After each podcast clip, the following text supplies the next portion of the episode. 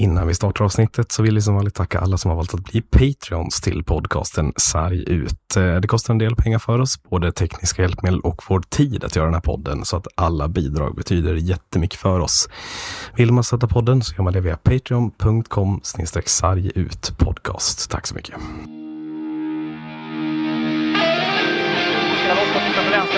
Grenberg. Grenberg går via sarg bakom huvudet. Så vi får in fast den. Där kan vi mål! Mats Sundin gör 1-0 för Sverige! Svensson för Claesson och då är det kvitterat! Och så kommer lägg och pucken ligger fri och den går i mål! Zibanejad har ni sett! Har ni sett?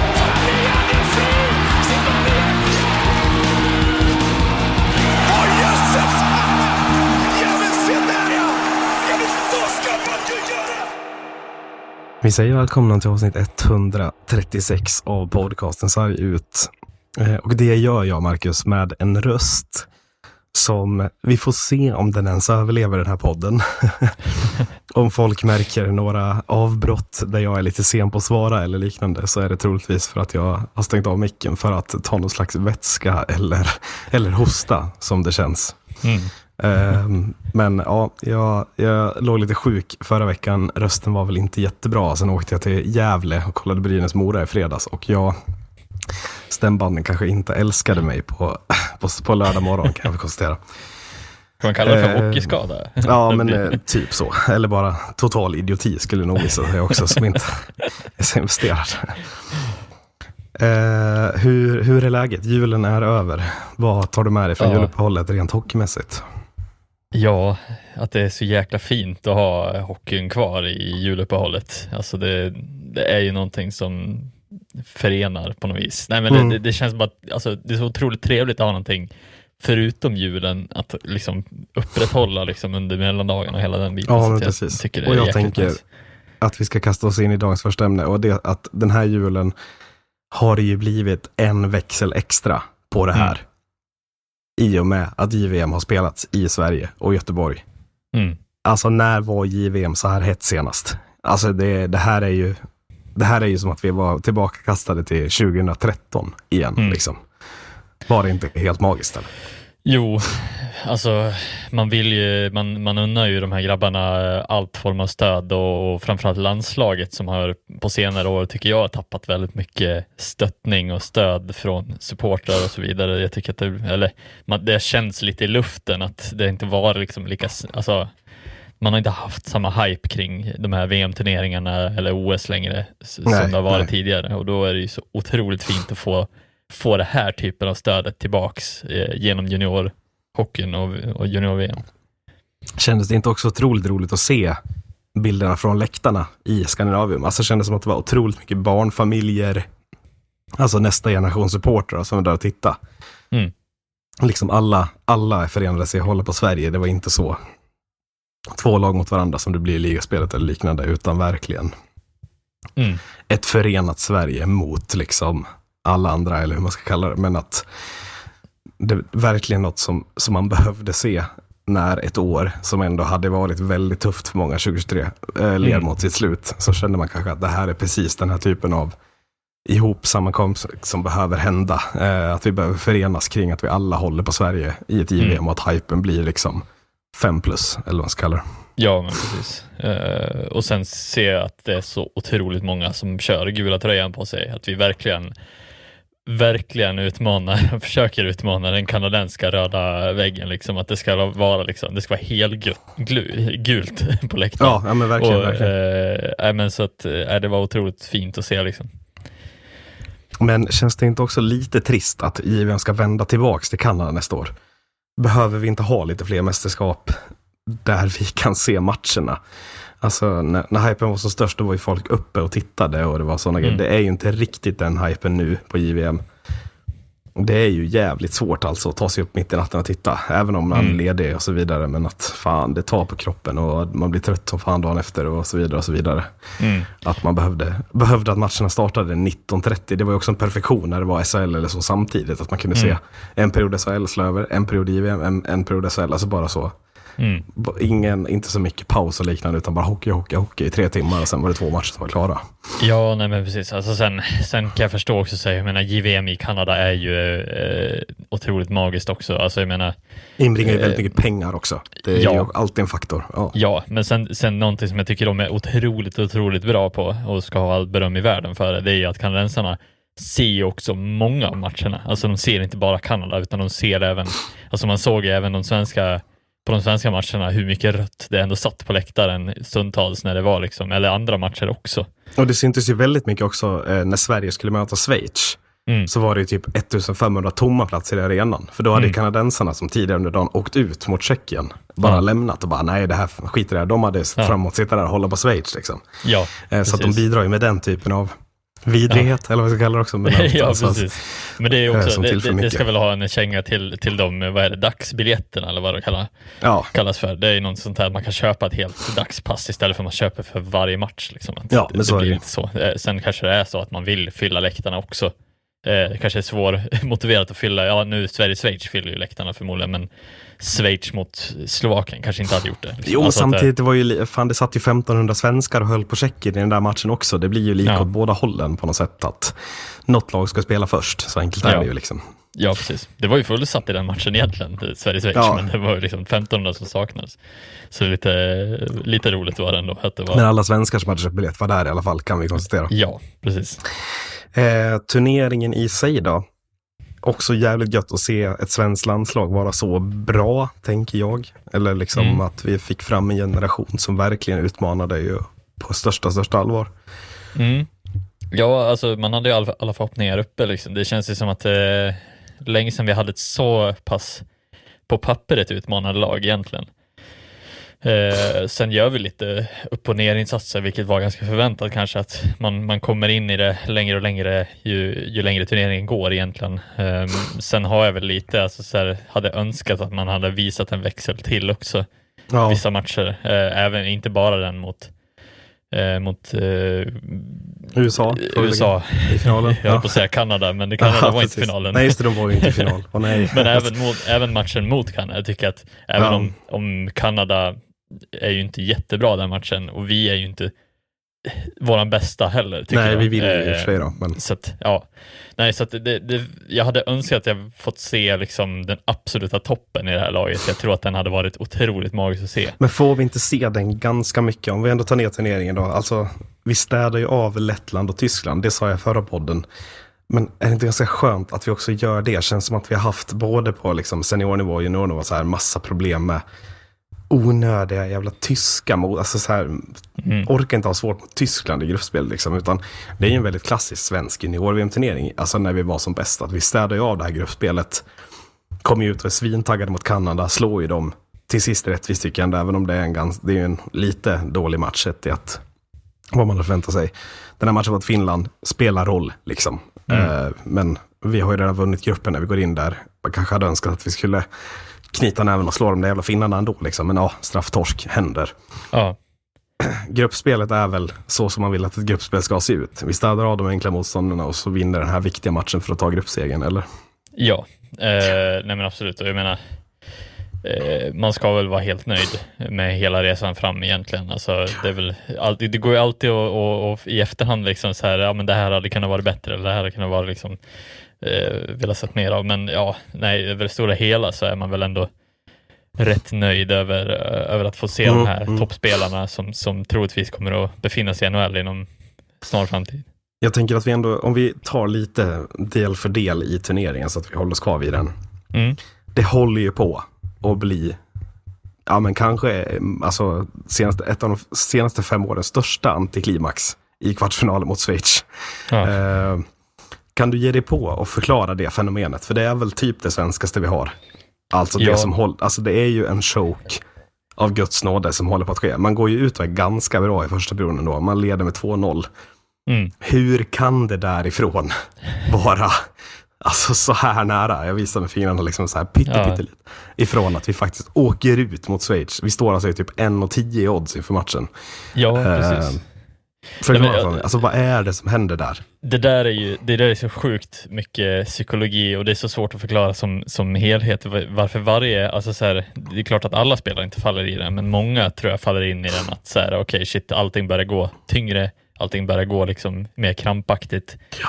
Jag tycker att det är väldigt mycket på grund av de tidigare händelserna som skedde i matchen där vi har liksom ribbskott, vi har något skott utanför höger missar Ja, för vi, alltså, vi har väl två ribbor innan de gör Ja. 2-1. Alltså det, det håller på att stänga så Och sånt fullständigt där. där, sånt där sätter sig även, alltså inte bara i supportersoffan, utan det sätter sig nog väldigt mycket i huvudet på spelarna också, att ingenting rullar med riktigt, även om de är bra.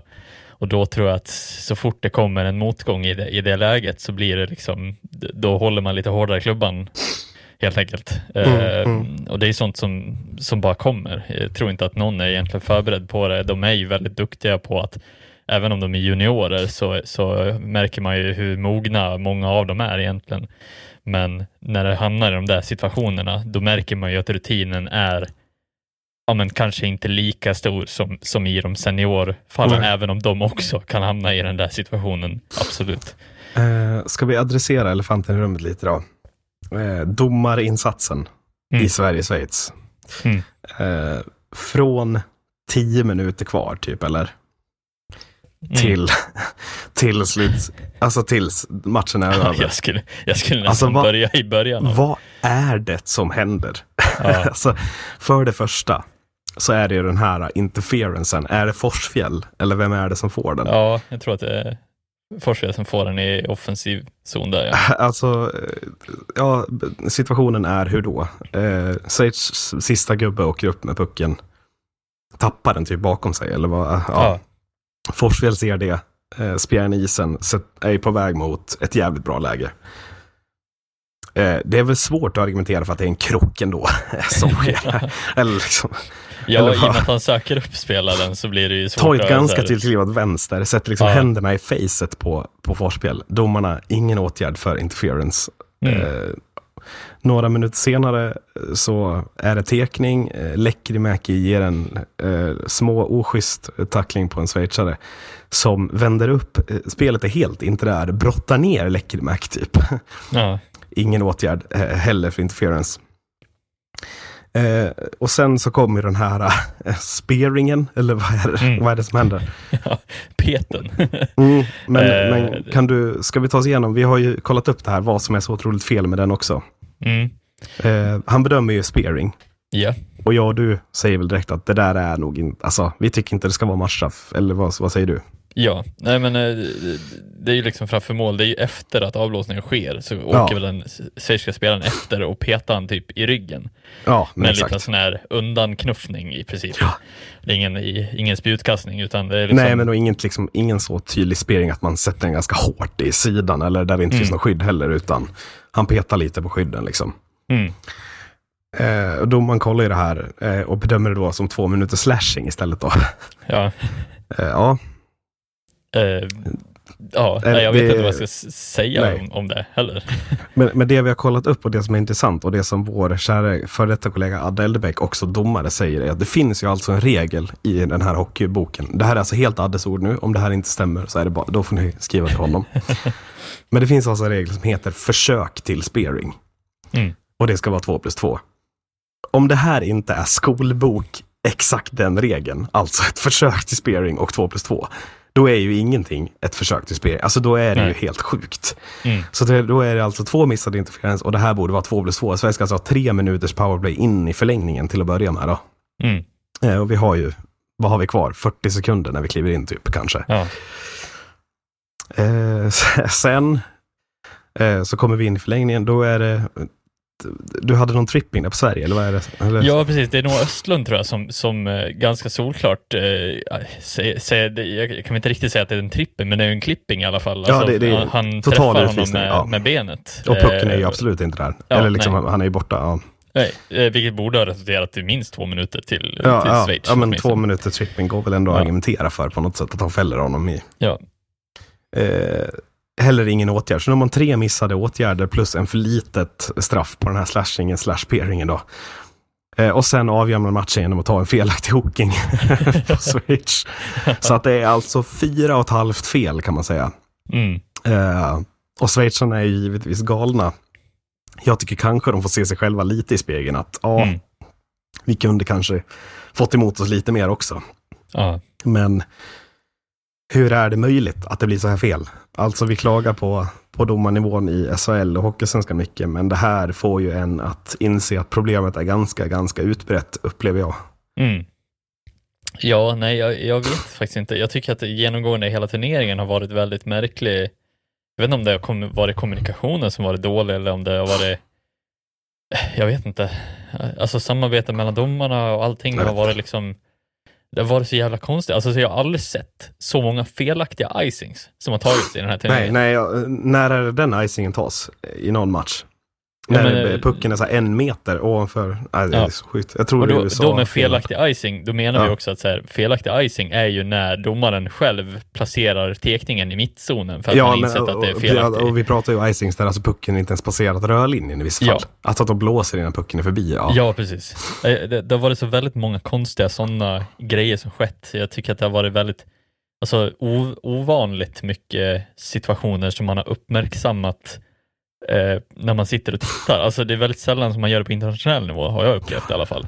Men här så har det varit liksom varje match har det varit nästan Mm, någonting mm. som har, och jag menar Finlands match också mot USA var ju också Ja, ett tveksamt beslut. Jag tror att det är den här, tas. att det är den matchen där, där den här icingen sker i slutet som är bara Ja. så här, vad fan händer? Precis, och sen ja. också utvisning. Det var någon utvisning som de klagade på. Jag har inte sett Det är väl den. den USA avgör på till slut, tror Ja. jag. Jag har inte sett den tyvärr. Eh, Så att många sa ju att domarna dömde vidare USA Mm. istället för Finland, vilket de... ja. Så att, Eh, Men jag, re- jag reagerar också på en sak i den här matchen Sverige-Schweiz. Att det är ju det är hela tiden en domare som tar alla besluten. Som tar spearingen, Mm. som tar trippingen, som tar hookingen. Som, alltså, den andra domaren är för mig helt osynlig i den här matchen. Han syns aldrig i liksom skärmen. Och då blir jag också så här, är det bara någon de måste dit som inte håller måttet för att det ska vara så lite utspritt på landen? Det är en Ja. tysk och en finne som där med den här matchen. Inget ont om Tyskland, men känslan är att kanske domarnivån är lite ner där. Eh, att, är det någon sån där grej också? Att bara, men det ska vara lite blandning på nationalitet. jag blir så här vet helt, inte. ja. Alltså det kan ju vara någon sån där intern kommunikation, alltså så att man, Ja. man bara snackar. Som man bara ledsnar på liksom. Ja. Ja, att säga, ja men du har mer rutin, du kan ta du, du tar de majoriteten av utvisningarna så kan jag hålla ett öga på någonting annat. Eller Mm. Ja. någonting, jag vet inte. Ja, Men det känns bara generellt som att det har, det har brustit liksom någon Ja, form av... ja, men det är för, för konstigt allting. mm. Och det är liksom hela turneringen sen. USA och Finland så har vi, vi pratat, alltså, i finalen är det flera också som är, åh, som är, det är gränsfall alltså på, Mm. vissa ska vara, de missar ju en slashing där på Sverige som är helt, bru- alltså jag fattar inte hur det går till. Mm. Eh, men ja, eh, Tjeckien-matchen, semifinalen, det känns som att vi är bättre hela matchen tycker jag. Jag tycker Mm. att Sverige får oförtjänt mycket skit. Att man återigen är nära, att det är lite nervösa. Ja, det står 2-2 efter två perioder. Men det är fan inte rättvist att det står 2-2. Jag tycker att tycker att vi är det förande laget hela matchen. Att vi visar ju där kvaliteten vi har. Vi är ett finallag. Mm. Det är en match mot Schweiz som blir väldigt, väldigt jobbig liksom. Mm. Absolut. Eh, så att... Ja, eh, nej, nästa elefant i rummet, eller ja, ja, men nästa elefant i rummet då. Ja. Eh, den här målvaktssidan som vi var så oroliga för. Mm. som hyllas gränslöst efter tre nollor i gruppspelet. Snacka om att man trodde att vi skulle få äta upp det, eller och vad fick vi göra? Ja, Mm. det var väl precis det. Det är väl där det avgörs till slut.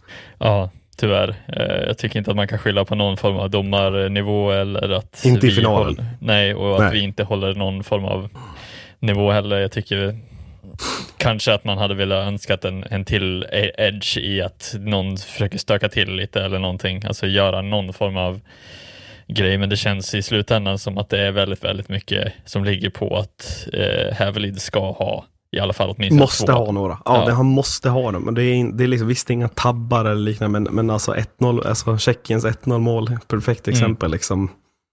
Tjeckiens målet bjuder ju tillbaka lite, får vi ju säga. Mm. Alltså det är, det är ju inte målvakternas match, den här semifinalen. Nej. Men eh, Nej, t- alltså, alltså de, några... de, de, två, de två som Tjeckien gör, de första två, eh, är ju liksom, alltså skotten är ju inte bra.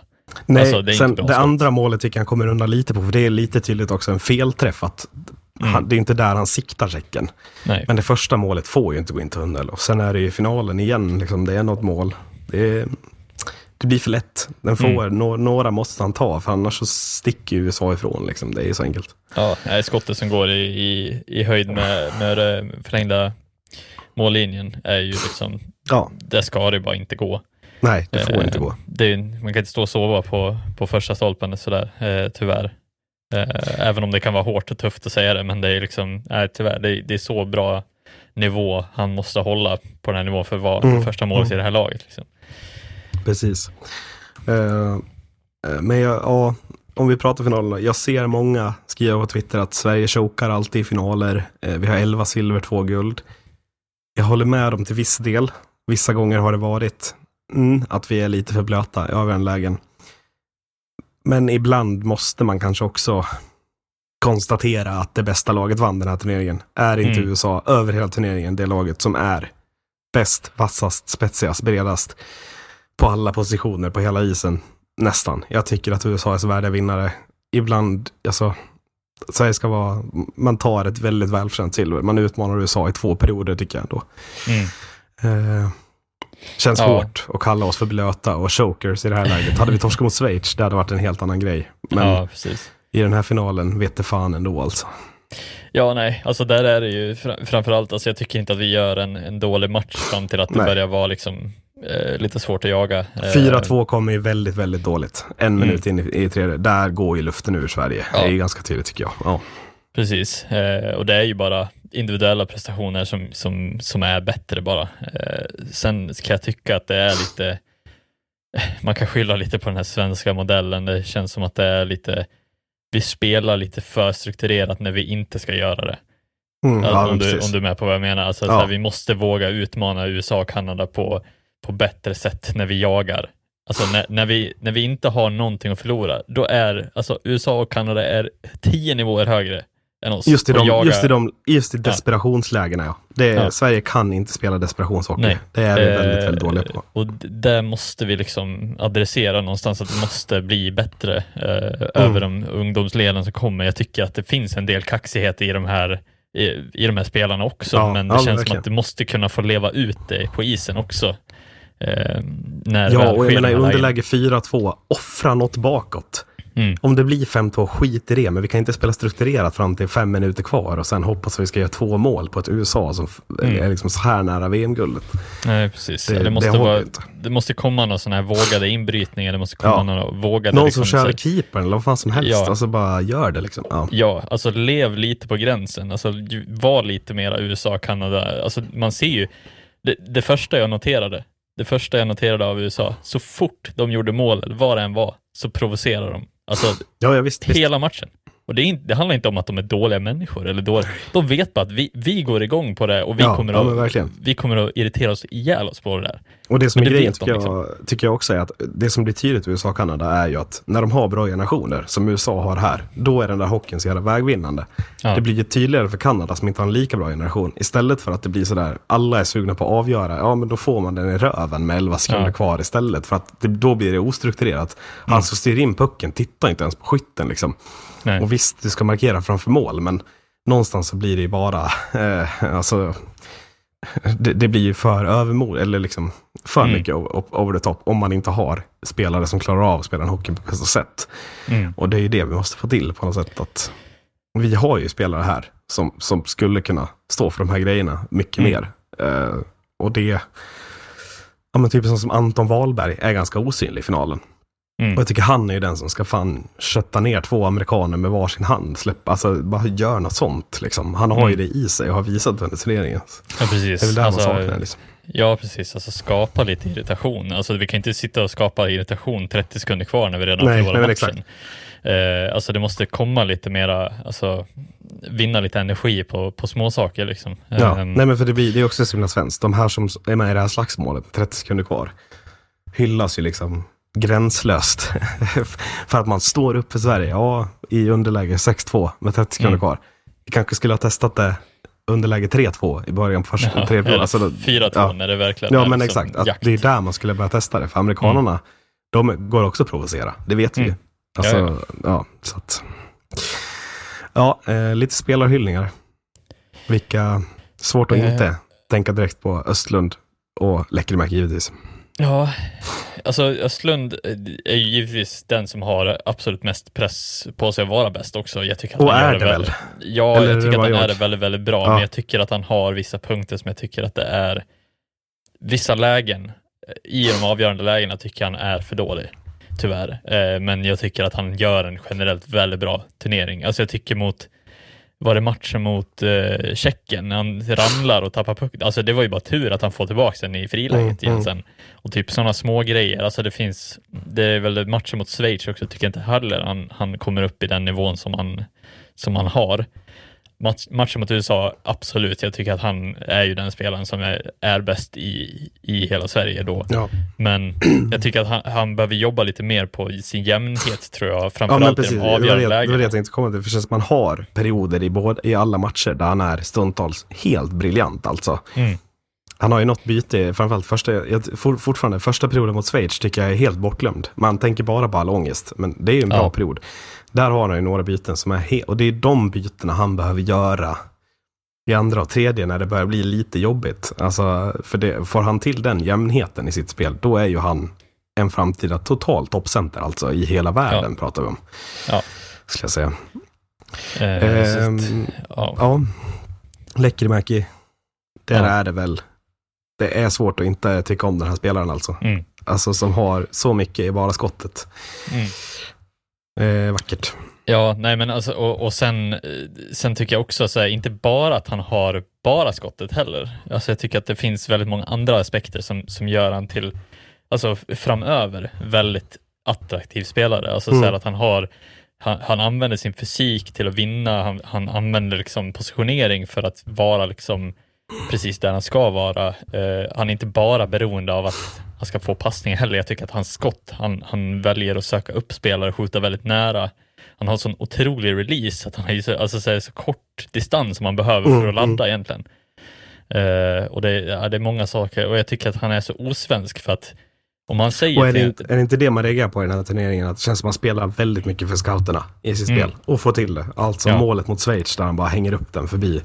Det är Ja. alltså, om man inte kan så mycket hockey, det, titta på det målet igen. Det är sån total briljans, hela den aktionen. Men det, det blir väldigt mycket spel av scouterna. Skjuter i väldigt mycket lägen, spelar väldigt amerikanskt genom hela turneringen tycker jag. Mm. Nej men eh, alltså sen eh, att han liksom, när de säger åt honom, skjut hela tiden. Och han går in och skjuter hela tiden. Alltså Ja, så här, det är, och det är precis det han ska vara i den här turneringen. För att Precis. här handlar det om att så här, de här målisarna är ju förmodligen sämre än den nivån som han möter. Mhm. Vilket gör att så här, ja, men fan, använd ditt skott och utnyttja verkligen, liksom, för att det spelar ingen roll om det är från en pissvinkel. För att Mm. det- han har så pass fast skott att det, det spelar inte så stor roll vart han skjuter ifrån heller. Han gör det ju så bra också. Alltså, Ja, nej, inte men bara alltså att han skjuter dåliga skott från dålig vinkel, utan han, han lägger dem ju på rätt Han har en ställe sån tanke med allting, tycker jag Ja. är, så vackert när han skjuter. Att, att eh, han vet precis var han siktar och varför han gör det. På något sätt. Ehm, innan vi ska hylla nästa spelare, eh, som jag vill hylla, så ska vi prata om den mest Chris Härenstamska minuten i den här turneringen. Och det är ju när Chris Härenstam sonderar ut i, inför två miljoner tittare att Theo Lindsteins mamma har hört av sig och säger att vi uttalade hans namn fel. Eh, Och från den minuten, alldeles i turneringen, så, så är det Theo Lindstein vi pratar om. När vi pratar om eh, vad som är i den här turneringen Sveriges bästa back, tycker jag. Mm. Eh, och han är alltså inte uttagen från första början. Jag tycker att eh, Magnus Hävelid har väldigt, väldigt mycket tur med den här skadan Mm. på Jakob Norén. Eh, för att utan Lindstein, Stein, förlåt, Ja. så, så saknar han eh, en spelare som gör skillnad i sitt lag Mm. i den här turneringen. Mm. Och jag tror inte att Jakob Norén, han hade inte gjort en dålig turnering, men han hade inte varit samma skillnad. Det hade han inte varit. Eh, så Nej. att, eh, ja. Nej, framförallt inte offensivt på det sättet som, Nej. som Lindstein eh, gör faktiskt. Ja, det är backparet, Lindstein och eh, Wilander liksom. Mm. Det är ju vårt bästa backpar. Det är också lite, kanske lite såg ni inte de andra backparen som borde vara lite starkare, kanske jag tycker det stundtals. Men Jag tycker det är väl, är väl lite tufft också att säga. Jag tycker faktiskt att Hävelid är Ja, otroligt men här, bra. alltså, de backarna är generellt väldigt bra, jag håller Mm. med. Men det kanske ändå fanns en nivå till i Hävelid Pettersson och Pellika Salomonsson, kan jag känna. ja. Eller så var helt enkelt Lindstein och Wilander så mycket bättre än vad jag trodde från början. Ja, absolut. Eh, nej, och jag tycker att han gör det, han gör det helt rätt också. det är inga, alltså, det är inga klassavslut som han står för heller. Alltså, det är Nej, liksom, så är det. det är bara att, att, att han gör det. Det är väl det som är det viktiga. Men jag tycker han är så självklar i liksom- spelet över hela banan.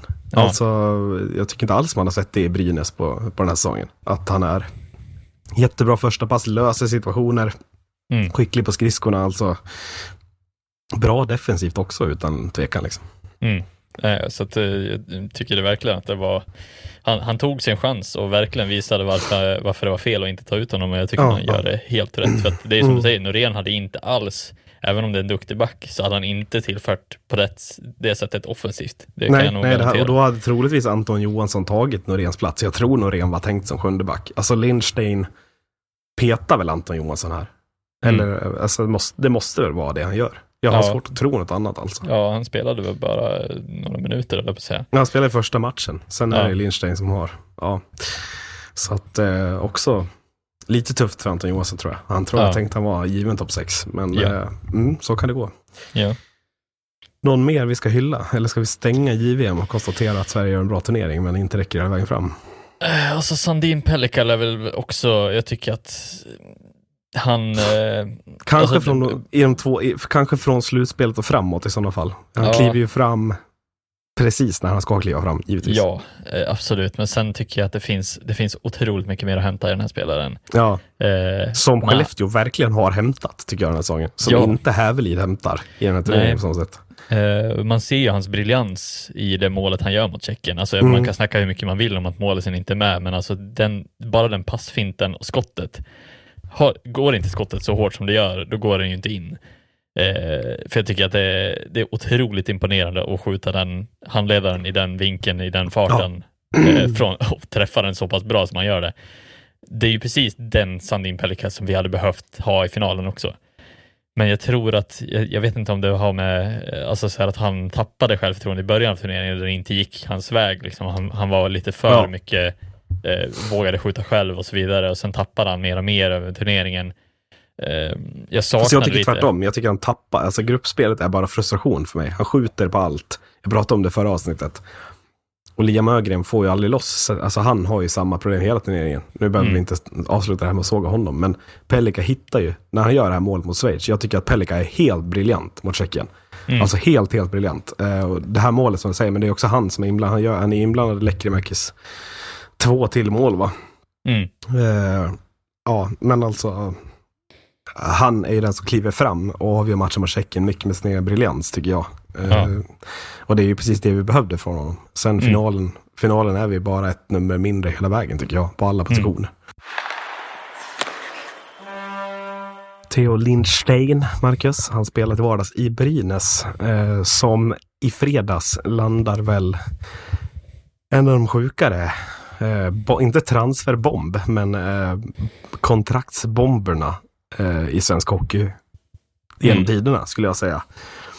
När man går ut och säger att man sparkar Anders Lindbäck Ja. och eh, löser således det problemet jag har pratat om i den här podden mycket att hur löser man problemet med Anders Lindbäck? Här är det ju väldigt stora bollar från Johan Alsén när Mm. han gör det på det här sättet tycker jag. Ja, och det är ju otroligt mycket blandade, blandade känslor kring, kring det här beslutet. Jag tänker Ja. själv, alltså jag har ju själv suttit och kritiserat Anders Lindberg för att inte kommit upp i nivå. Han har sett kanske ut som att vara en av de svagaste länkarna i Brynäs eh, över Ja. längre tid. Eh, men jag hade nog aldrig gissat mig fram till att det skulle vara den här vägen man valde i Nej, slutändan men jag ändå. tänker att om jag hade sagt till dig, ja, han kommer bli sparkad under säsongen, så hade du inte trott mig. Nej. Det, det tror jag inte att du hade gjort. Och jag, samma om du hade sagt det till mig, att den vägen tror inte jag att... Jag, jag, jag vill ändå hylla Johan Alsén. Alltså jag Mm. tycker att som sportchef måste man ta obekväma beslut om det krävs. Och det gör han ju verkligen här. Vad, vad tycker du? Gör man rätt eller gör man fel? Eller? Nej, alltså det, någonting måste ju ske. Alltså, jag, jag, det är klart att de måste ju hitta en lösning på problemet och sen jag vet inte vad, vad Lindbäck lyfter i, i lönesumma heller. Men Ska vi tro att det är ganska de- bra betalt? eller Jag skulle gissa på att det är ganska bra betalt. Vad tror du? Eh, Nej, så jag, jag tror att det både handlar om att man vill frigöra för att skapa förutsättningar för att värva en klassmålis eh, Mhm. och ersätta med. Um, och sen också tänka på de andra värvningarna som förmodligen kommer att landa in också. Uh, om det är en eller tre, det vet jag inte, men det känns lite som att ja, det, det var det här beslutet som, som var det obekväma beslutet som Brynäs behövde ta och kanske är det beslutet som blir deras lyft också. Precis. Uh, det finns ju vissa rykten. Vi väntar lite med dem. Men, men som, det är väl någonstans där vi måste landa till att börja med att Brynäs har vi konstaterat behöver en riktigt bra förstekeeper. Mm. Det är inte Anders Lindbäck. Eh, och det behöver man ha. Och vi har väl sagt också det att det kanske är det som avgör den här ligan slutligen. Eh, att Brynäs har en sån målvakt. Eh, men alla rykten, allting pekar ju nu på att ersättaren inte är en svindyr kanadick, en eh, svinbra finne, en SHL-målvakt eller så. Eller jo, i vissa, eller på något sätt. Utan ryktena säger ju att man alltså ska köpa loss Viktor Brattström som ersättare till Anders Lindbäck. Mm. Och då känner jag lite att så här, då måste det ligga något mer bakom den här sparkningen av Lindbäck. Då kan det inte bara vara prestationer. Då måste Mm. det vara något annat. Alltså något personligt, någonting att han inte alls, alltså inte fullföljer, alltså inte, inte jag skiter i träningar eller alltså några sådana där grejer, inte sköter Mm. sig. För att är Viktor Brattström den målvakten som ska ta upp Brynäs? Tillåt mig att tvivla, eh, Mm. känner jag spontant. Mm. Ja, nej, det, det kändes också så, här, så som vi, när vi satt och fick reda på beslutet och sen när vi såg Mm. eh, ryktena som, som var efter det. För ryktena är ju liksom inga strörykten. Det är ju Madhawk och de här som ofta har rätt som är på det. Så att jag, jag väntar bara på att det ska bli klart. Liksom. Ja, absolut. Och jag eh, håller med dig. Alltså, det är svårt att se att, att Brattström, även om han är en duktig målis, men han ska ju i så fall ha, Klaras position, alltså som andre målis i det här Ja, ja. laget. Alltså så högt måste man värdera den här positionen. Mm. Eh, speciellt i det som man kliver in i eh, med slutspel och allting, att det måste vara en målis som är av högsta klass. Alltså det ska vara en SHL-klass i målis som du nästan ska kunna ta med, ta med dig upp och han ska vara första målis i SHL. Ja, men du, Eh. du om någon såg väl framför dig en Bartoszak till Modovärvning. Liksom. Den referensen Ja. gillar vi att använda. Men det var väl en sån värvning man såg. Liksom, att nu Mm. kommer det någon riktigt jävla målvakt här alltså. Ja, Eh, precis. men jag tror inte att något lag i ligan känner sig särskilt skrämda av att det är Brattström som står där istället för Anders Lindbäck. Det tror jag verkligen inte. Jag tror Jag är inte ens säker på att det är en förbättring på den här positionen om man ska vara ärlig. Nej, nej. Så jag, jag, jag är lite inne på din bana också, att det måtte det inte ligga någonting annat bakom Mm, också. mm. Eh, nu har inte jag, jag har inte läst någon form av Eh, Alsen har inte velat svara på den frågan Nej, heller. nej. Eh, Och det gör han väl av respekt till Eh, Anders Lindbäck också. Det är ja. väl helt rätt liksom. Ja, precis. Eh, så att nej, jag, jag är väldigt oförstående till att det ska vara lösningen. Antingen så är det bara att det finns ingen annan som de har på radarn och det måste ersättas med någon.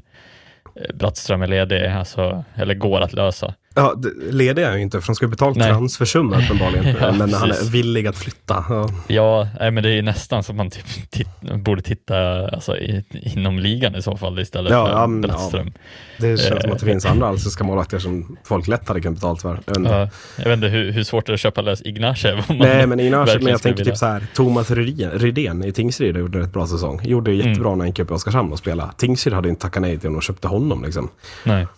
Utan det, det blir ju lite också att man, man ska visa att man är lite större och starkare och går till SHL. Men hittar man en bättre målvakt än vad man hade gjort i Allsvenskan, det tror jag inte man gör. Brattströms statistik visar på typ 83 procent den här säsongen. Mm. Det är inte så att man skräms ihjäl av att oj, här kommer en målvakt med 83 procent. Sen har HV varit usla. Han var usel, han var i Björklöven, absolut. Men Mm. fortfarande liksom. Det är ganska dåliga siff- siffror. Ja, precis. Alltså, det finns inte så mycket tyngd bakom, bakom beslutet så, eh, just i nuläget. Sen kan det ju vara så att han stormtrivs och är liksom hur bra som helst helt plötsligt. Ja, jag menar, alltså Brattström Men, är eh, ju inte dålig. Det då tror jag inte heller. Men Nej, då är det ju utöver, utanför våran kunskap i alla fall, Ja, ja. Eh, om det skulle vara så. Men det känns ju Eh. inte som en, alltså, det känns ju ändå som en chansning, lite det jag vill åt. att Så här, Ja, det är ju samma typ av chansning som med Lindbäck om man nu inte var säker på honom, eller? ja nej men verkligen. Eh, tycker verkligen att det känns väldigt udda Mm. att välja just den vägen. Men jag menar, kan marknaden vara så tunn också? Kan det vara så enkelt? Det finns ingen annan Alltså att marknaden är helt stängd liksom, eller vad? Nej men vi var, alltså, vi var väl inne på, alltså, ja visst Bartosak är ju en, en det är en klassvärvning men också en, en lite kontroversiell värvning. Han har ju väl en historia av eh, Han tar väl inte nu liksom? Ja, Nej, det precis. finns sådana rykten. Ja. Eh, men sen, vi var väl inne på att Halak var väl ledig. Ja, det är väl sådana namn man trodde Brynäs skulle gå på. Ja. Ja, Sen fattar jag, det finns ju inga KHL-floppar att hämta av förklarliga skäl. Liksom. Nej, precis. Eh, nej, och en sån värvning hade ju varit både alltså, så här, merit, alltså, med meriter av att spela högt och är en väldigt bra målet, men nej, jag vet inte. Alltså, det kanske är så att man bara inte vågar gå för, det kanske är för dyrt också. Det vet ja, inte. Det, men det kan det vara, men det känns som att finns det absolut ingen annan. Alltså är det Halak eller Brattström? Det känns ju som en väldigt smal marknad om det är de två som man har att välja på. Förstår du vad jag menar? Att så här, ja. Det känns som att då kan, kunde man väl ha väntat lite till. Eh, ja. Liksom, Frågan om man väntade för länge. Alltså det är väl det som kanske Nej, det tror jag inte. Marknaden är tunnare på hösten. Alltså jag tror snarare att man skulle vänta längre. Jag menar, Klara hade ju kunnat vara första keeper. Mm. Alltså ett tag innan man går på någon, alltså än att gå på Brattström i så fall. Ja, nej men jag tänker i, i form av att eh, Casimir Kaskisu var ja, ju typ, ja, ledig. Nu är han ju inte det längre i och med att han gick till AHL av en outgrundlig, oförklarlig anledning hur han kunde bara få ett AHL-kontrakt. Bättre YouTube-kanal där borta. Ja, precis. Nej, men alltså, det är också oförståeligt. Alltså, han har ju inte mm. spelat på hela säsongen. Alltså, han gjorde väl inte världens bästa säsong i, i Leksand förra året? Nej, nej, men det är det jag menar. Att så här, eh. Då kanske marknaden är så tunn. Att det är ja. typ Kaskisu, Halak och Brattström man har att välja mellan. Mm. Men då är ju också frågan, varför skulle man då sparka Lindbäck om ersättaren inte är någon garanti överhuvudtaget? Mm. Som man dessutom måste köpa loss, det är inte billigt. Det är Nej. en mille eventuellt. Liksom. Ja, precis. Uh, så då är frågan vad, vad, vad priset hade landat på de andra målisarna. Ja, det är ja, jämförbart liksom. Så att, uh, ja nej, intressant. Utveckling mm, blir ju intressant. Uh, vad tror jag, men Brynäs då? Brattström, säg att han går in och är bra, är det lösningen eller? Alltså grejen är så här. Det, det Har väldigt... han en nivå i sig som är slutspelsvinnande i Allsvenskan, Brattström? Känner du det? Alltså gre grejen är så här, jag tror också att Brynäs i det läget, alltså jag, jag har aldrig varit med om, det har jag snackat om tidigare också, jag har aldrig varit med om ett topplag som ligger först med ganska god marginal, som har sådana utstakade målvaktsproblem som, ja, men som alltså, Brynäs alltså, har. Som har sån panik på en position. Det, ja. Övriga laget så är det ju, alltså det finns ju inte en plats att värva på. Det handlar mm. ju bara om att förstärka, alltså spetsa. Ja. laget som det är nu är ju fortfarande ligans bästa lag ute på isen. Liksom. Ja. Och, och, och, där, där blir det väl lite åt det hållet att jag börjar känna att så här, eh, de kanske inte behöver en så jäkla bra målis heller egentligen. Nej, men vågar man riskera det? Oh, ja, nej, ja, absolut. Ja. Men det är alltså bara mer min liksom lösa spaning att så här, det, det kanske är så att Brynäs är så pass bra för att det känns inte som att någon riktigt utmanar dem än på riktigt än. Eh, mm. Kanske blir annat i slutspelet, men det, det, känns lite som att det, det, är lite för lite utmaning för Brynäs just i nuläget och det kanske är så att är Brattström bara en procent bättre än vad han är i, i SHL, ja då kanske det räcker. Alltså, mm. Det är väl mm. det som är lite, lite det som är mm. nyckeln. Mm. Nej, men det, det är samtidigt som man är, känner att oj vilken chansning så är det lite fräscht också med Brattströms säsong att gått trögt i SHL. Han har spelat ett HV som har varit ihåligt bakåt. Han kom till Björklöven i en dålig sits för dem. Släppte in fem mål mot Västervik borta. Att så här, ja men Viktor, vi tror på dig. Det kan ju betyda jättemycket för en sån spelare som Brattström. Att så här, oj, de tror på mig trots de här siffrorna liksom. Och det mm. kan ju vara lösningen, absolut. Ja, man kollar på hans korsi och sagt, sett att han är bäst eller något. Ja, vi ber återigen om ursäkt att sommaravsnittet Marcus vs Corsi inte, inte hände. Vi hoppas på sommaren 2024. Ja. Eh, men eh, ja, Lindbäck out. Eh, vi ser var det landar och tar en bumper tänker jag.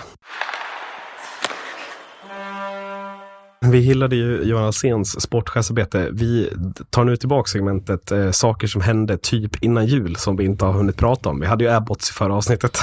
Okay. Eh, Djurgården behöver ny sportchef. Eh, det kommer ju, om inte Djurgården går upp i år, behöva ske en jävla rebuild, känslan. Mm. Eh, den rebuilden ska Niklas Wikegård stå för som sportsligt ansvarig i Djurgården. Take it away. Vad kände du när det landade ner då? Och här kör vi igen. Mm, ja. Här känns det som.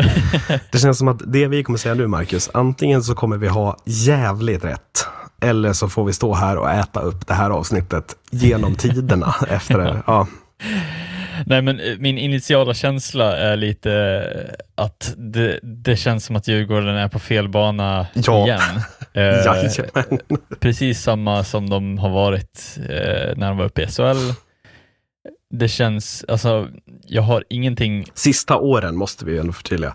Från 2019 och framåt Mm. så har man gått på den här banan. Ja, och det har inte Ja. funkat. Tidigare Nej. funkade det ju. Men Ja. Nej men just det här med att så här, jag, jag har ingenting ont, alltså så här, jag, jag tycker om Niklas Wikegård som expert. Jag, jag gillar Mm. att han är ärlig och gi- gillar det han säger och han, han har liksom mycket som han står för som kanske inte alltid är rätt, men ibland är det faktiskt också väldigt, väldigt bra. Och jag tycker Men- att han är Sveriges sämsta expert, men det Ja. skit i det. Ja. Precis, det är åsikter som vi, som vi är delade i. Men Mm. alltså, det som jag tycker det blir så fel i hur, alltså vad det här bär vägen är då att då ska då Wikegård stå för de här värvningarna som han tycker är de bästa hockeyspelarna för Djurgården Hockey. Exakt. Och vilka är det? Jo, det är ju de som är hemvändare och som gillar att spela hockey så som han tycker att hockey ska spelas. Det är så jag tolkar det i alla fall. Eh, och jag tycker att det är fel väg att ta 2023, 2024 eller 2025 vad det nu än blir. Eh, Det blir väl 24-25 säsongen. Ja, från och med starten på nästa säsong. Så ja. Eh, det finns en risk att han väljer en väg som ser ut ungefär som elitseriehockeyn såg ut 2006. Ja, Kanske. exakt så. Någonstans där. Eller innan. I- Jag är Ja. väldigt orolig för att Djurgården kommer att hamna i en bana där man bör- börjar värva, vad, vad var det vi sa i kör? Gustav Olhaver Eh, från första. Det, var, det, det här var ju kanske ett av, alltså det här hände ju i slutet på 2023, men både den här gruppchatten, det är ju ett av de mest magiska momenten tycker jag. När vi ska föreslå spelare som vi tror att Niklas Wikegård kommer värva. Och både jag och du säger Gustav Olhaver av alla jävla spelare i hela Sverige. Eh, Så att om något bettingbolag hör det här, har vi ett odds på Gustav Olhaver till Djurgården sommaren 2024 så vill vi ha det. Vi är sjukt intresserade av det. Mm. Men, men ja, att precis som du säger, känslan är, och jag har den här, det är verkligen en obehaglig känsla för jag tycker att det är ovärdigt Djurgården. Det är att Wikegård kommer leta spelare som han tycker passar en, en roll i ett, alltså jag tror att han inte riktigt fattar hur Hockeysvenskan funkar. Förstår du vad jag menar? Mm. Att, ja fast Niklas, värva sex spelare som gör jävligt mycket poäng. Så kommer du ganska långt, eh, skulle jag säga. Mm. Och att han istället försöker hitta spelare som är utvecklingsbara, som har tyngden i sig. Alltså han gillar ju uppenbart alltså, tunga spelare med liksom, alltså så tydlig gröta framför mål och sådana grejer. Det, det kanske är mycket klyschor han står för. Men jag, har inte, jag, jag ser inte riktigt att han har i sig att bygga har han, alltså värvar han en spelare som tycker om att åka runt lite och fylla år, som gör 40 poäng. Det tror inte jag han gör, utan han Mm. tar istället Gustav Olhaver kanske. Mm. Och det känns, ja, jag tror att Djurgården hade mått otroligt, otroligt bra av att gå ifrån. Nu ska gamla djurgårdare rädda Djurgården. Ja. Vi ser ju, alltså i, i svenska sportlandskapet, Djurgården körde den här linjen mycket under 2010-talet och fram till 20, alltså fram tills det började gå ut för SHL så var ju det bra. IFK Göteborg gjorde samma i fotbollen. Nu, från typ 2018 och framåt, så är Djurgården Hockey och IFK Göteborg i fotboll. Två föreningar, ganska mycket fritt fall upplever jag. Mm. Och det är mycket för att man har gamla spelare, gamla legender från klubben som ska göra klubben till det den var när de här var där senast. Och det, tro- jag tror inte att det är vägen att gå. Titta på de liksom, lyckade exemplen i, i Hockeysvenskan framför allt. Alltså titta hur Björklöven har jobbat, Kente kommer in. Södertälje är väl absolut bästa exemplet. Jag tycker också att ett jävla statement av Södertälje. Samtidigt som Wikegård blir klar, då går Södertälje ut med att man förlänger med Emil Georgsson, ung lovande sportchef som inte har någon koppling till Södertälje egentligen. Mm. Utan man tror på deras systematik och hur de jobbar, att de letar rätt spelare för dagens hockey. Och jag vet inte om jag tror, ja som du säger, gör Wikegård det? Nej, jag tror inte det riktigt. Mm. Nej, och jag tror att de, alltså många av de lyckade exemplen är sådana som har tittat bortom. Alltså så här, det är klart att det är bra med någon form av koppling till klubben, men jag tror också att det är lika viktigt, lika viktigt som det är att ha koppling till klubben, så är det lika viktigt att ha kopplingar i vad värvningarna ska stå för. Exakt. Eh, och hur kan man koppla ihop värvningarna med varandra? Hur kan man koppla ihop med att den här ska spela med den här? Alltså, jag tror att det blir för mycket av det goda om man är alldeles för blind och ska titta på så här, men vilka har han spelat i Djurgården innan? Nej, det har han inte. Men är han en bra spelare? Ja, det är han. Men ska vi då Mm, mm. gallra bort honom för att han inte Nej, spelat det, i det, är Djurgården lite, det, det är lite det jag menar, att den här Djurgårdsandan, järnkaminsandan, hur, alltså hur lyckad har den varit om vi tittar de senaste åren? Alltså så här, Garpenlöv, uppenbar ärkeflopp. Eh, Brodin, är det en succé? Det vet fan om jag tycker. Nej. Albin Greve, vad ska vi säga där i år? Ja, det hade nej. vi 11 år sedan. John Norman, en av allsvenskans sämsta forwards, lyfter Mm. 150 per månad. Ja visst, Kryger har varit magisk, men är det för att Kryger har Djurgårdshjärtat? Eller är det bara för att Kryger helt enkelt är en alldeles för bra spelare för att spela Hockeyallsvenskan? Sen är det klart att när han är så bra så bidrar ju hans Djurgårdshjärta. Men då behöver du hitta spelare på Marcus Kryger-kaliber som ska ner i Allsvenskan. Mm. De hittar du inte rätt så mycket. Utan då kanske man måste jobba på den andra delen av Djurgårdsandan som är så himla bra. Alltså en succé juniorverksamhet där man lyfter upp mycket spelare gång på gång på gång. Så kommer det upp spelare som kommer in i Djurgården och är ju typ renodlade, klara hockeysvenska spelare. Jobba mer med den, men lyft sen in lite intressanta namn. Som när man var nere senast, Dustin Joner, Steve Saviano, sådana gubbar. Lyft in dem och ta upp er. Ja. Och sen fyll på med Djurgårdsandan på andra sätt än att värva gamla reliker som inte presterar. Liksom. Ja, precis. Alltså, och sen, alltså så här, för, för att bara få, få det att tolkas som rätt är väl också att så här, det är ju inte fel att titta på sådana spelare som är, alltså, har en koppling till Djurgården som är liksom så, men det gäller att bara inte låta det ta över, eh, vilket är ganska enkelt. Jag tänker också i Wikegårds fall att det känns väldigt lätt att han tittar på vad är det för liksom, vad är det för personlighet och vad han för koppling till klubben Mm, mm, mer än vad själva prestationsmässigt hur han passar in i laget. mm. Eh, det finns en sån fara i det. Sen givetvis, alltså han, han har ju varit i branschen hela tiden. Han har ändå suttit och kollat all modern hockey eh, väldigt, väldigt ofta. Han har bra koll på de flesta lagen. Han har bra koll på spelarna. Men det finns en otrolig fa- fara i att han har för mycket att säga till om och få rätt för att han är så pass övertygande. Ja, ja men, men precis.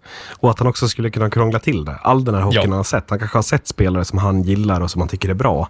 Mm. Men att så här, i allsvenskan så handlar det väldigt mycket om att bara värva spets. Alltså se till Mm. att du har bra spelare och sen en tränare som får ihop det. Jag tycker HV är fortfarande det bästa exemplet med Tommy Samuelsson. Liksom att så här, här har du svin mycket pengar Tommy och en uppgift, gå upp liksom. Mm. Sen är, inte, sen är inte själva liksom, alltså men alltså typ så här, Brynäs kör ju samma modell nu. Alltså visst, Rudin och gänget är kvar. Men de fyller ju på med Keller, Wessel, Indrasis, Kopacka, Billins, Jordi Ben. Ja, alltså det är ju också jävligt mycket spets som inte är Brynäsandan eller vad man ska kalla den. Liksom. Mm. Nej, men för, för jag ser liksom också det här med, med, med begränsningen i att så här, ja, Wikegård är nog fullt kapabel till att värva ihop ett lag som blir till en viss punkt. Alltså så här att jag hade kunnat sett han göra, om, man, om jag hade sett liksom Modo som ett perspektiv, liksom att han hade lätt kunnat värva alltså Vigno och eh, Valle Walterholm och Mm, Södergran mm. för att han, han, han tycker om den typen av spelare. Han har värvat de spelarna, de hade funkat bra, absolut. Ja. Men han hade ju också, tror jag, gallrat ifrån spelare som är typ Riley Woods, eh, Dickinson kanske, eh, och kanske, alltså Roma hade ju aldrig kommit dit. Nej, nej, funnits men en sån som. Riley Woods är ju ett perfekt exempel också. Wikegård känns som han gallrar ifrån en sån spelare. Medan det är ju precis den spelaren du ska ha i Allsvenskan. Nick Schilke är samma. Mm. Men att jag tycker att när Djurgården gör det här, Niklas Wikegård känns ju mer redo att bygga ett SHL-lag. För det är den ligan han har följt. Än vad han känns att bygga ett hockeysvenskt lag. Och jag håller fortfarande Djurgården som ett mycket troligt allsvenskt lag 2024. Det är väl dit, dit det vill liksom. Att det är troligtvis ett allsvenskt lag han ska värva. Mm. Och ja, den uppgiften tror jag är tuffare än att värva ett SHL-lag, Niklas Wikegård. Mm. Ja, och, och även ett SHL-lag i sig skulle jag alltså säga, jag, jag unnar honom att få bygga ett SHL-lag, absolut. Mm. Jag tycker att det hade Ja, varit ja. väldigt kul att se, framförallt. Men just den hockeyallsvenska biten, så då är det Gustav Olave som vi håller högst i, i Ja, men första det, ja, liksom, precis. fall. Det, är, det är en sån spelare som jag tror att han tänker att man ska få utveckling på. Ja. Eh, sen, han kommer säkert motbevisa oss nu, bara för att vi Mm. hånar det lite. Men alltså överlag så tycker jag att känslan är, gå inte den här vägen Djurgården. Ta något nytt, fräscht, något annat. Alltså typ så här Kimby. Det är Mm. det perfekta.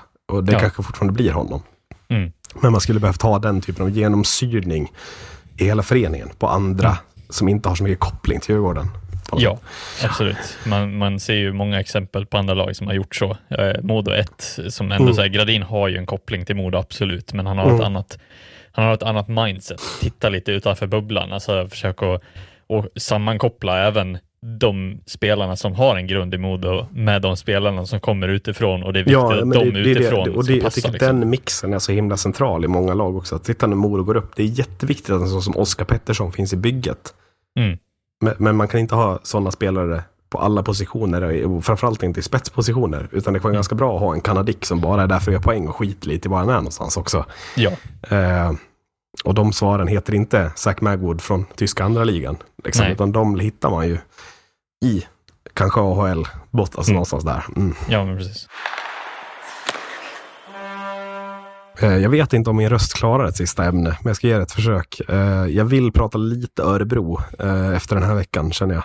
Mm. Där eh, HV hemma och Färjestad hemma slutar med 2-6 och 3-6.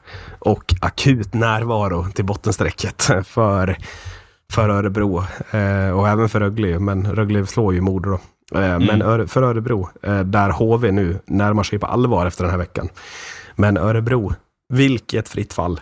Alltså Mm. det är fritt fall rakt ner. Och det börjar ju, alltså det börjar ju lukta Örebro i kval. Om det fortsätter Mm. så här.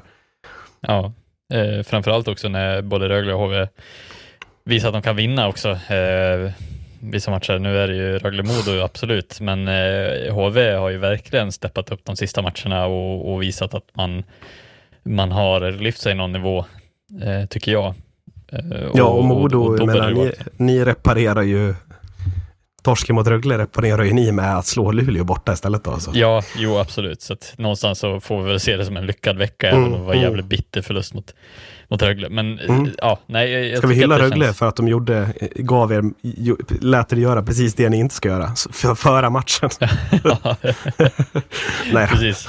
Nej, Tillbaka till alltså, jag, eh, nej jag, jag tycker det ska vara all form av panik eh, där i Örebro som finns för att jag ser inte vad Alltså Jonathan Lekkerimäki kan ju inte komma tillbaka och rädda upp det där. han kan ju inte vara den som ska rädda Örebro. Nej, det är ju väldigt mycket att lägga på en eh, 0-4 även om han- axlar, det får vi säga. Även om, även om man kan stänka dit några mål så, så känns det som att det är ett, ett större problem än så. Eh, jag tycker att det, alltså, de har en målvaktssida som, som är bra. De har ett generell trupp som är väldigt, väldigt bra. De ska kunna få ut mer av den. Eh, jag tycker att det är dags att Johan Hedberg verkligen visar eh, att det ska få resultat nu också. Eh, Mm. nu, nu har han fått sin, sitt halvår som, som Jag du sa. ja, nej, men Eh, jag, jag sa ju att risken är ju att, att det kommer vara att man börjar flyga på allvar i februari, mars, januari, februari. Men eh, det, det håller inte i Hockeysvenskan. För då är det för många lag som är bra. Eh, du tappar Mm. för mycket poäng. Och I SHL. I SHL, i Hockeysvenskan är det tvärtom. det finns några dåliga lag att slå som du inte tappar mark Mm. på. Eh, här är man nu hela vägen nere vid bottenstrecket. Och det är ju akut liksom. Mm. Eh, Men det jag är lite funderar på är, nu har Örebro gjort den här lösningen med Hedberg, Eriksson. Mm. Som är lite av en Abbott-Abbott-lösning, fast de inte är släkt. Förstår du vad jag menar? Mm. Ja, precis. Att de är väldigt goda vänner, de vill göra det här ihop. Men om det nu kommer till en punkt, snart så kommer ju Niklas Eriksson, som mycket god vän till Johan Hedberg, tvingas ta det mycket, mycket, mycket svåra beslutet att sparka Johan Hedberg. Mm. Har han det i sig? Eller ser vi framför oss att sportchef och tränare även lämnar Örebro här mitt under brinnande säsong? Och hur hanterar den föreningen det? Som har varit i medvind sen när då? Man gick upp i SHL typ. Det har ju blåst väldigt lite i Örebro. Mm. Eh, och nu har man krav på sig plötsligt och så uppfyller man inte dem och då blåser det. Och det hanterar man inte bra hittills ju. Men, eh, Nej, alltså jag, jag tror att det, det, den dagen, eh, om den dagen kommer, eh, att de ra, ramlar ner under strecket. mm, Jag tror att det är där det, det resultatet kommer att visa sig också. Så här, kommer Eriksson, antingen så kommer Eriksson sparka Hedberg, mm, eller så tror jag att det är om, om styrelsen som är ett huvud högre ja, kommer ta precis. det beslutet och ta båda. Mm. Eh, Ja, eller att styrelsen tvingar, tvingar Eriksson att sparka Hedberg. Att styrelsen, Ja, men, men jo att, absolut, så kan det också Men att det är fortfarande, alltså Niklas Eriksson hamnar ju i en sits där han jag, jag tror inte han trodde att han skulle vara där i det här läget av säsongen. Han mår nog inte bra för dagen. Liksom. Nej.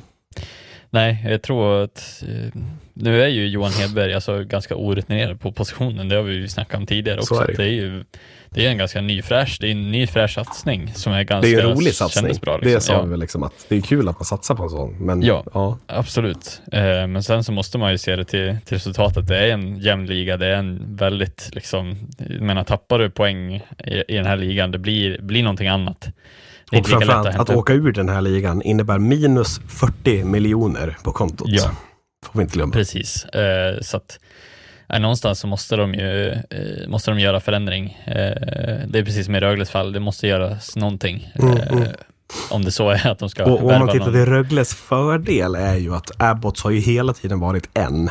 Mm. Det är svårare att ersätta sportchef och tränare. Men, men Mm. det har ju aldrig funnits att, att Chris ska sparka Cam. Utan de ska ju alltid, de hade, man, man tänkte ju alltid att de skulle, när de lämnar, då lämnar de ihop. Det har ju alltid varit tanken. Liksom.